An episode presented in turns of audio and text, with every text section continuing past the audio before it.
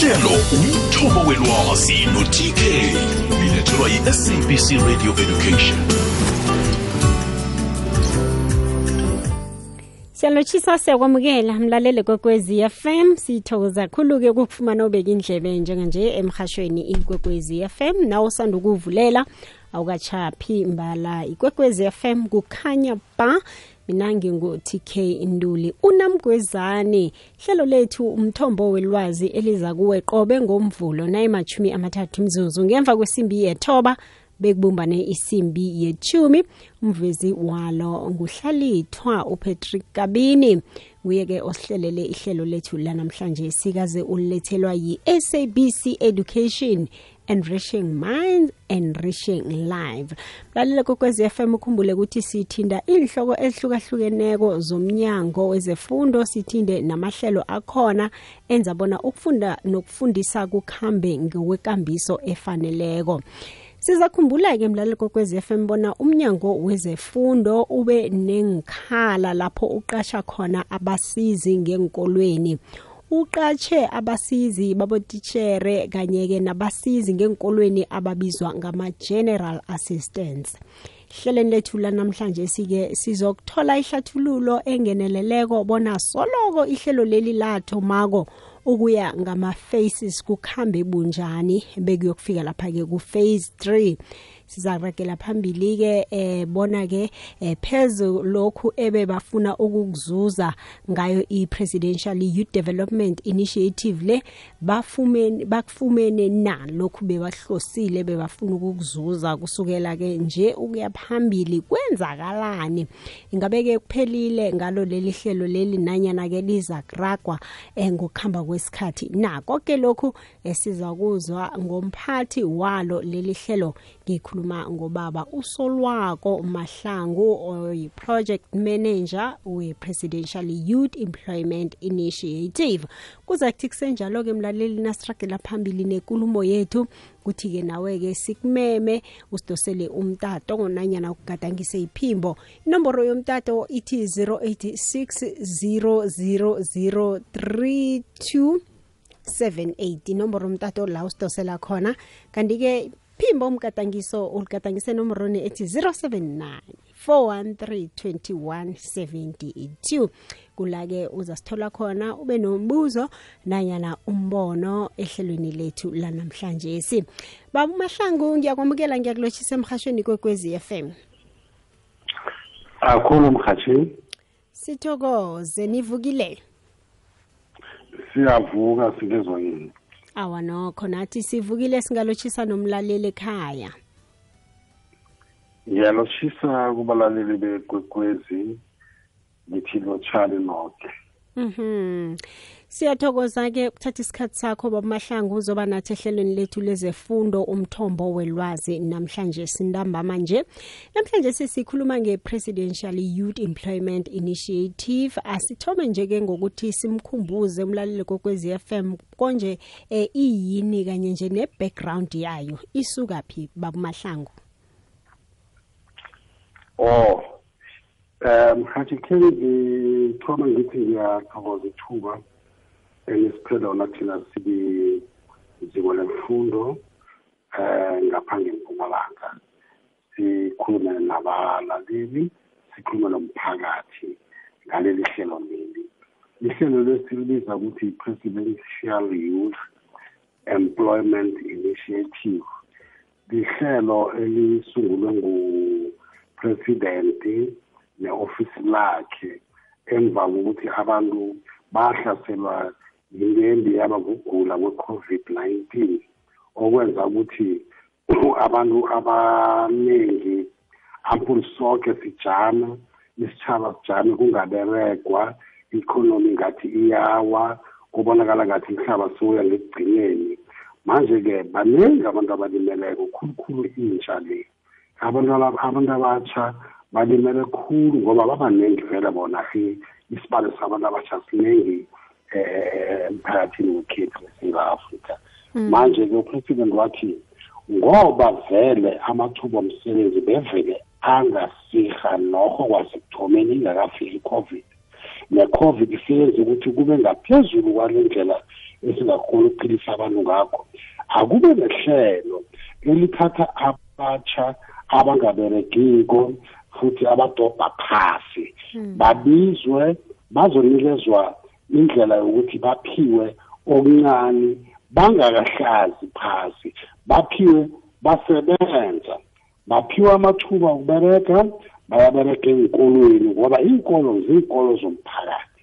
And umphakathi bowunganalo i-culture le yokuthi kuvakatshele iy'nkolo zawo wenze kuhle iy'nkolo. Manje-ke upresident bathi no thathani intsha le ikhambe iye enkolweni yokuhalepha ikhuphule izinga lenkolo ilungise iinkolo eziphukileko yenze noma yini engayenzwa ngehlelo ngaphasi kwe-department of basic education. Bese-ke kube nokuncane abakutholako esikubiza ukuthi yi-living wage. Bamahlangu ngiyakuzwa eh. Iye ubaba khona afuna ukungezelela godu? Bengifuna ukungezelela ngithi ngikada ngokuthi kuyasungula ngo-2020 empumalanga kwaba namathuba ayi-27 000 eh ngo-2021 to 2022 kwaba namathuba ayi-24 087 and ngo-2022 april to august nakaphelako ngen-31 kwaba namathuba ayi-21 577 aphiwa itsha. Hmm, iyazwakala. Njengoba uthi lithome ngo-2020 babamahlangu ingabe ni niyafikenye niyafikelela la lapho eh benifuna ukufika khona na ngalo leli hlelo leli lakamongameli um yonke khona kuyenyukela mm kuyenyukela ngoba uh uma uqala i-statistics esikhona sabantu abatsha abangaberekiko siphezulu khulu isibalo sakhona. Mm isibalo sakhona siphezulu khulu yingakho kuthiwa ngama-five months five months la akuthathwe abanye bese kuphiwe nabanye njalo njalo. Manje-ke eh noma sesiya siya ngakhona uphase two no-phase three azange sithatha abantu abatsha khulu. Saphinda abanye bebakhona kwa-phase two babuya kwa-phase three. Manje na wenze njalo awukhoni ukufinyelela nabanye ababangakalitholanga lelo thuba mm mm. Ngiyakuzwa-ke bamahlango ukhuluma ngabo phase two phase one. Kukuhambe njani kusukela ekuthomeni soloko lahlonywako kufika lapho-ke kuphela khona i-phase three? Kukuhamba njani bekube ngalesi sikhathi? Kusi-update babamahlango khona khona ngingasho ngithi eh inkolo lasizivakatshelako senza i-monitoring ne-support mm. Sibabuza abo abaphethe inkolo abo-principal nama-SGB nasithole bakhona ey'nkoleni bayatsho ukuthi inkolo sezichugulukile zichugulukile ngoba abantwana bayabezwa laba abanye abatsha abahalebha botitshere noma bangafundisi phambili eklasini but bayahlala labantwana babahalebhe ngombereko bahalebha botitshere utitshere akasayi eklasini adiniwe solo kwayizolo abuya ama-periods amaningi solo udiniwe uphethe na-stress manje abotishere naba-fresh basihalebha ngilaba abatsha laba. Kuba nechuguluko nabantwana bafunda ngendlela engcono nebayezwa eh begodu-ke labo ngelaba sibabiza ama-eas educator assistants ngilaba abahalebha ngemaklasini kukhona-ke abanye esibabiza ukuthi ama-general assistants ngabahalebha-ke ngaphandle kwamaklasi-ke labo-ke. Mm. Empumalanga sibone ukuthi laba abama-GAs bafundiswa batrainwa banikezwa into siyibiza ukuthi ama-skills iskill sokuthi bakwazi ukupenda ngaphandle nangaphakathi. Iskill sokufaka umnyango bawusike bawufake into zakhona zonke ama-lockset nenginera iskill sokufaka i-ceiling. Iskill sokupenda nama-roof. Iskill sokufaka amahalasi neskill sokulungisa ngaphandle engadini nokulungisa konke ukuthi eh inkolo zibe zihle. Manje sibona inkolo eziningi. Bazihalebheka ngala abantwana laba abatrainiweko asele bakwazi ukubuya bazorhanebha ey'nkolweni zabo ezisemphakathini yabo. And sicabanga ukuthi lokho uma kungaqhubeka kwenzeka neziko lemfundo alisazi ukuberegisa imali engikhulu ukuthi lilungise lenkolo lihire amakhampani amakhulu. Umphakathi uholwa ngilaba sesibaphile iskill ngoba emva kwale-skill bathola ne-certificate bathola neng-overall nama-boots nenkokoro bebathole ne-toolbox yokubereka.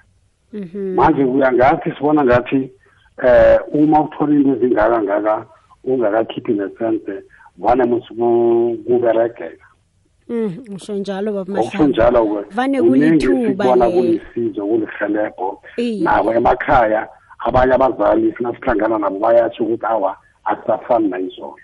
Mm, iyazwakala bamahlangu ngifuna njenganje sikhambeke siyokuthengisa sigwinya amathe sizokubuya siragele phambili sicale i-phase 3 le nasi iphelile. Sicaleke ukuthi-ke ukuya phambili kuzokwenzakalani asizokujika ngapha si- sizokubuya bamahlangu ngibambela njalo.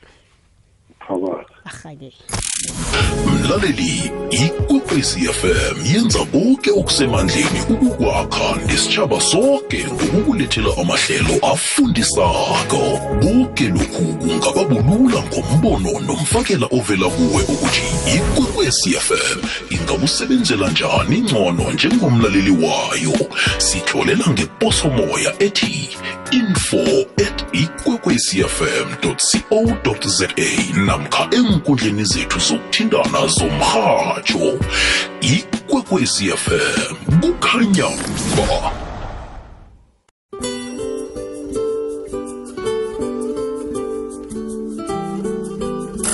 lihlelo umthobo welwazi no-tk lilethelwa yi-sabc radio education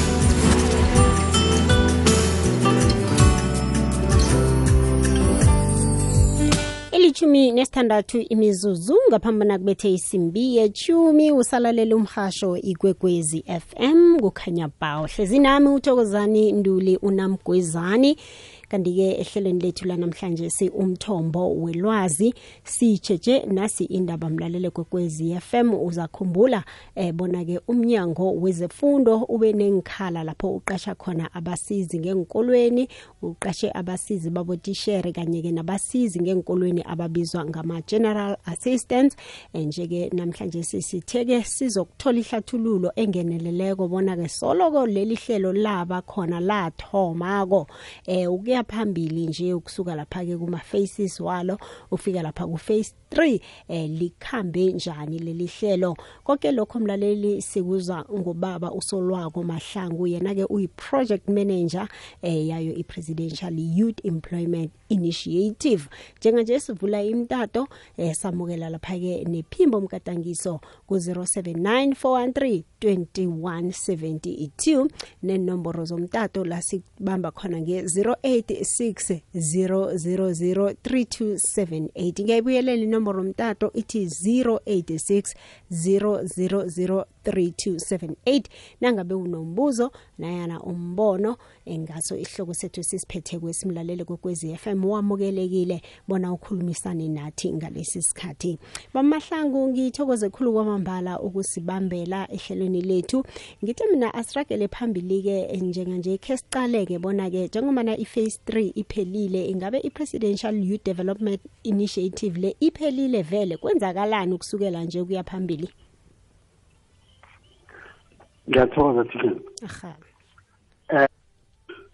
Njengoba sesivalile uphase three ngo-august sukela ngo-august okho kuze kube nje wakhishwa imemo wamenga ukuthi akube nabatsha aba-aplayako ukuzongena ku-phase four. Ngamanye amagama sisaya ku-phase four. Mm. and manje-ke imemo njengoba ziphumile isimemo sakhona sivalwe ngen-sixteen zaka-oktoba ngabona i-weekend esibuya kiyo le isimemo engathi kathi 16 October. isimemo sokufaka imbawo babamahlangu noma isimemo sisaziso ukuthi siya ku-phase 4 isimemo sokufaka imbawo. Wow okay. Ngamagama nasele phela sekukhishwa isimemo mm. simemo sabantu esele bazi ukuthi kuyiwa ku-phase four. Wow.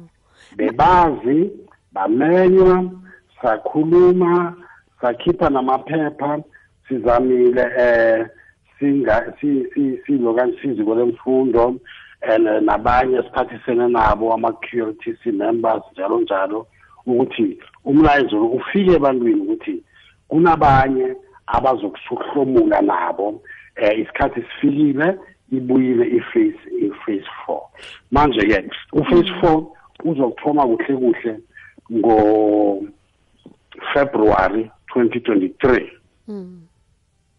akhambe bekube ngu May 2023 lapho kuzoba nesiwombe sokuthoma siwombe sokuthoma bese ke kube nesiwombe sesibili esithoma ngo May sikhambe siyokufika ngo September mm.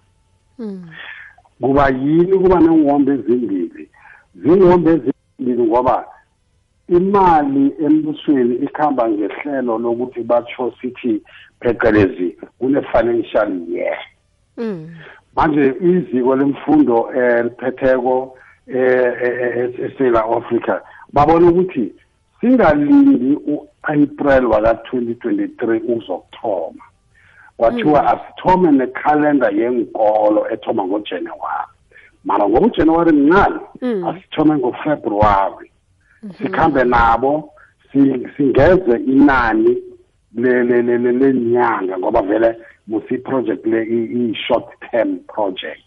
Singeze ke kusukela ngofebruwari tot ngoMay ukuthi imali nayiphumileko emva kwe-financial year zabe ithome ngo-april sikwazi ukuqhubeka amahlelo kungathiwa batsho kujamile ngoba imali iyatlhagisa nangekho ukusuka nje so ingqondo zombili kwesinye sizoba i-five months sokuthoma. Uma kube nenhlanhla abanye eh bazasiza ngenisa ingwombe zibe zimbili esinye siphele ngoseptember. So sina two five months term ne-nine months term ngiyakuzaba kumahlangu. 2023 aha-ke mlalele kwekwezi FM ivuliwe imtato sidosela ku-086 0003278 kanti-ke kuwhatsapp ugadangisa iphimbo lakho ku-079 413 2172 bamahlangu ngaphambi bona samukele umlaleli wethu bengibawa siye ngentolo siyokuthengisa sizobuya siragele phambili. Aha-ke. Emelo ukuya ehenrina. Lalela ngompopo ohatsha ukusukela edouble 94.5 yikwekwezi fm kukhanya ba.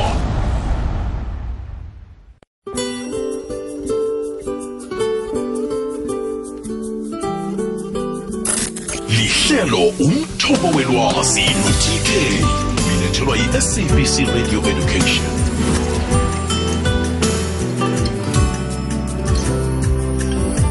Ilithoba kwaphela imizuzu eseleko ngaphambona sisonge ihlelo lethu umthombo welwazi. Khumbule ngesimbi yethoba umindlo lavu khona uragela phambili nehlelo sizigedlile bekubethe isimbi yechumi nambili phakathi kwamabili ebusuku namhlanje. Sinjenganje usahlezi nami uthokozani nduli unamgwezani ngaphakathi kwehlelo umthombo welwazi. Simema wena-ke njenganje mlalele kwekwezi FM lithuba lakho lokubuza umbuzo nanyana ube nomfakela endabeni esiyiphetheko namhlanje. Sike la sitsheje khona-ke indaba-ke eh yehlathululo engeneleleko bona-ke solo ihlelo leli eh le, le lokuqashwa kwabotisheri nama-general assistants ngenkolweni lathoma kokukhamba njani? Njengobana-ke ubamahlangu ahlathulula nje. 0794132172 kula samukela khona-ke iphimbo mgadangiso. Kanti kuthi lapha ku emtatweni sikuthole lapha ku-086 0003278 inomboro yethu yomtato-ke leyo. Bamahlangu usesekhona baba emtatweni? Ngikhona ma. Ngithokoza kakhulu kwamambala ukusibambela. Asiragele phambili-ke khe sicaleke ukuthi-ke okumele kulungiswe ukusuka nje um bekube ngaleso sikhathi leso kuyini bamahlangu njengomana ushile ukuthi-ke kuza kuthoma um umnyaka ozako ngofebruwari. Yini-ke okuza kulungiswa ukusuka njenganje? Ukusuka njenganje? Um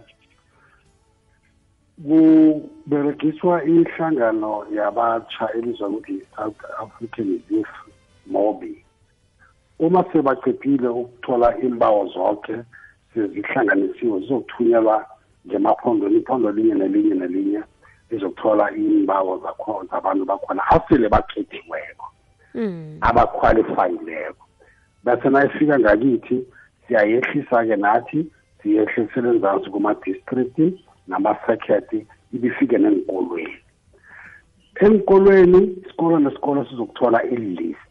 Sehlisa ilist efanele iye esikolweni. La kunabantu aba-aplayele kuleso sikolo ukuthi bona bafuna ukubereka ngaleso sikolo. Manje inkolo ziphethe kuprincipala bazibiza ama-s m t eh i-management team bese-ke ihlanganyele ne-s g b.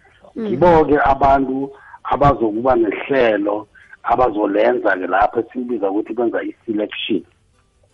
Basilethe phezu kwamalisti lawo babize abantu ekuthiwa ngibo abaphumeleleko ukuthi bazobafaka imibuzo bangene kuma-interviews. Thina-ke asisekho lapho i-s g b ne-s m t i-interviewa abantu babo nabaqedileko-ke sele bazwene. Labo abakhethiweko baza kuskrinwa-ke kunento emde sizi-check-ke ukuthi umuntu uhlezi kuhle na akanamacala Mm. okuhlukumeza abantwana akanamacala wobulelesi mhlawumbe ngezinye izindlela.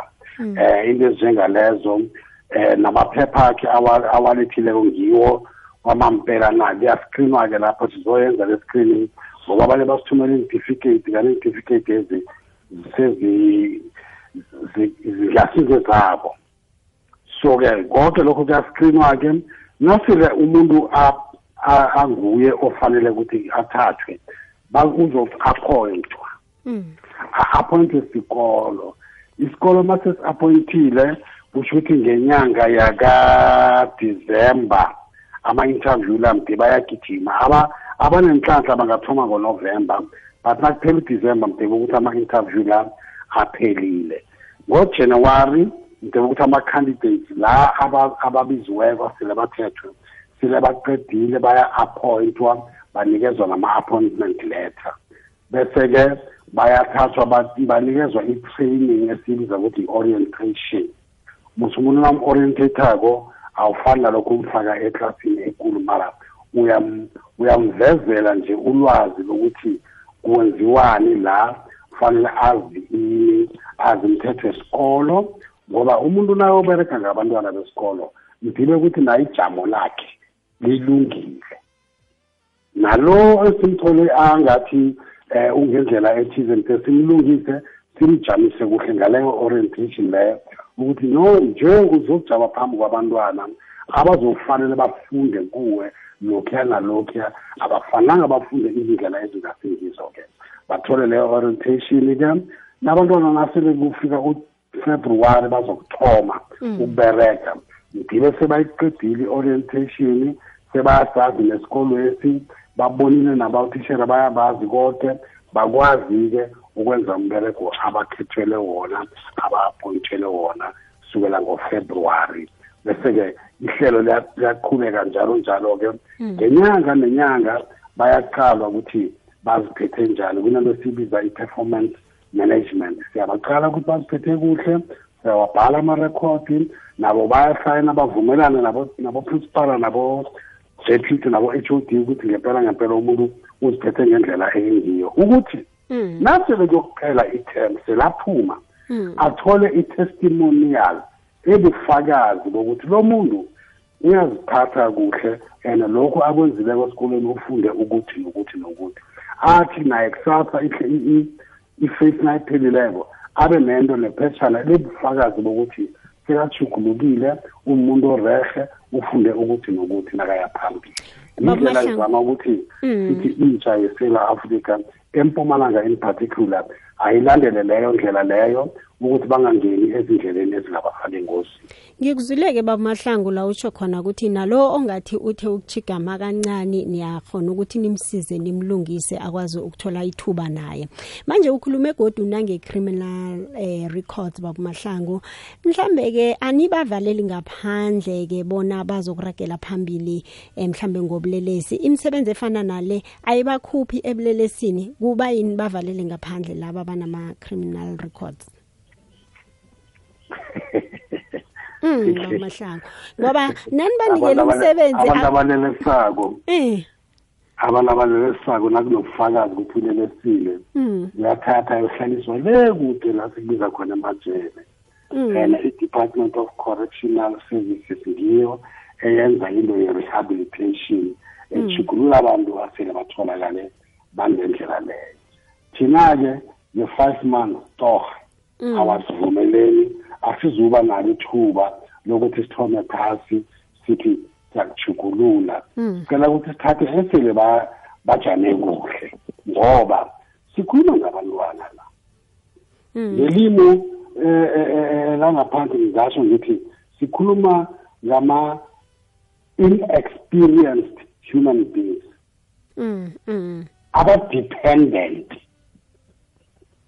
Ba-inexperienced ba-dependent and ba-vulnerable ngiyakuzwa bamahlangu sesisoyisonga selele nje-ke mzuzwana ngibawa nje uhl- u- uveze ama-challenges enihlangabezana nawo-ke kanengi.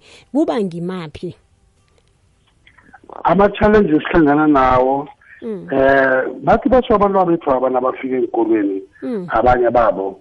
Ngabona bahlala khulu emakhaya bahlalela iifowuni ezi. Ngabona bayatshata olenzani batsho-ke abaningi bafike-ke neenkolweni apha-ke bafike bahlale baqhubeke ngendlela leyo benza ngayo basesingaphandle bahlalele imfoni ama-social media bangasenzi ama-social media kanti lapha sibapha namadatha amadatha la waphela ukuthi bafunde amanye ama-program akhona enziwa online. Mm. awa sithona bangangeni emaprogramini afanele bangene kiwo benze okhunye okungakhambelani nehlelo esibafake kiwo manje nenzani-ke nanithole omunye wabo angakhambisani nalokhu ebekufanele akwenze? Ngisiphi mhlawumbe isijeziso asitholako kwenye nenye indawo njengakwamunye nomunye umuzi kunomthetho. Iye. Nawusemberegweni usesikolweni iinkolo ziphethwe ngokomthetho.